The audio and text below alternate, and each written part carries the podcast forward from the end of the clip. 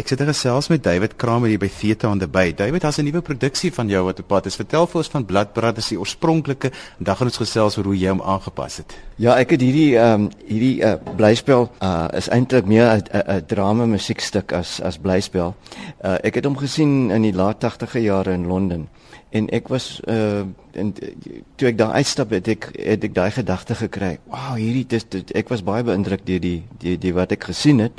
En ek ek het ook die gedagte gekry maar hierdie storie sal baie goed afspeel in die in die in die Kaap. Want ehm um, jy weet dis 'n storie van van 'n tweeling wat nou geskei word uh, net na geboorte.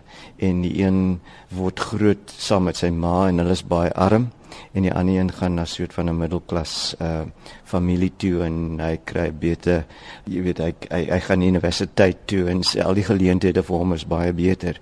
So dis 'n soort van nature versus nurture storie. Um en ek het gedink dit kan baie goed hierso in die in die Kaap uh speel en en maar ek het geweet okay ek sal seker nie die regte kry om dit te doen nie. So uh So ja, nou nou 30 of 35 jaar later het ek dit nou waarheid geword vir my. So ek is baie opgewonde oor wat nou gaan gebeur. Jy het die stuk aangepas, jy het hom verkaap as ek reg verstaan. Vertel ons wat se veranderings jy in die oorspronklike stuk gemaak het.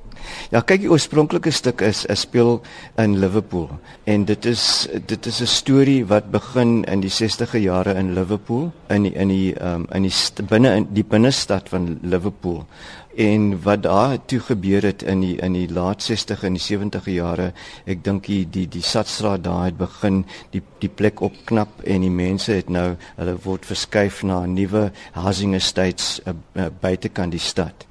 Ehm um, so dit het dit het my die idee gegee dit is amper soos wat met distrik 6 gebeur het. Jy weet waar die mense uit die stad uit uh, moes trek uh, Cape Flats toe uh en en en dit is hoekom dit dit nogal ek dink die Kaap is die enigste plek wat jy so aanpassing kan doen van die storie.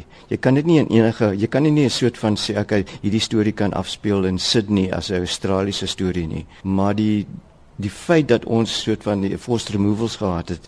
Ehm um, en maar dis nou nie 'n politieke stuk nie. Dit is maar net dit gaan oor oor twee families. Die, die een moet nou trek uh, Cape Flats toe uh, en die ander een het getrek om weg te kom van die ander families. uh, uh, en maar jy weet hulle kry spae. Die die die die tweeling kry spae uh, so elke 7 jaar of so. So die soos ek gesê die storie begin in in die in die vroeë 60e jare en dan weer dit speel af in die 70 in die jare 70 en in die jare 80. En jy weet dit is 'n dit is 'n baie dramatiese einde. Ehm um, so die aanpassing vir die Kaap, uh, dit gaan meestal oor die taal. Dit uh kyk in die, in die Liverpool stuk, hulle praat mos in Liverpool wat hulle noem scouse.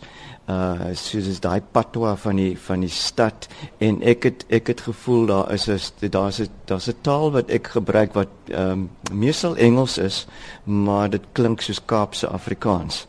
Ehm um, of Kaaps, dit klink soos Kaaps. Uh so die so en dit was die uitdaging vir my om om om 'n taalgebruik te ontwerp vir vir hierdie stuk. So ek het die ehm um, die die die storie en die en die ek het ek het die die die ehm um, die teks van van Willie Russell se teks het ek ek ek het ehm um, dit gevolg en uh, ek het maar min veranderings gemaak in die storielyn uh en waar ek dit uh wou doen het ek het ek sy permissie gekry om dit te doen. Sy het uh so ons het lekker saamgewerk op baie van die goed. Hy was baie uh die, die waarin hy meestal belang gestel het is uh die lirieke waar ek die, die lirieke aangepas het en ehm um, wat my verbaas het is dat hy so gierig was oor die gebruik van Afrikaans. Nou David Kramer is, is so Suid-Afrikaans as wat kan kom en jy's bekend vir jou musiek, vir jou skryfwerk, vir jou produksies wat jy opgesit, maar iets waaroor ek jou altyd gaan onthou is vir jong talent wat jy vir ons bekend gestel het. Wie die talent in hierdie stuk want ek weet jy het weer gaan die room van die Kaapse jong talent op die verhoog kom sit.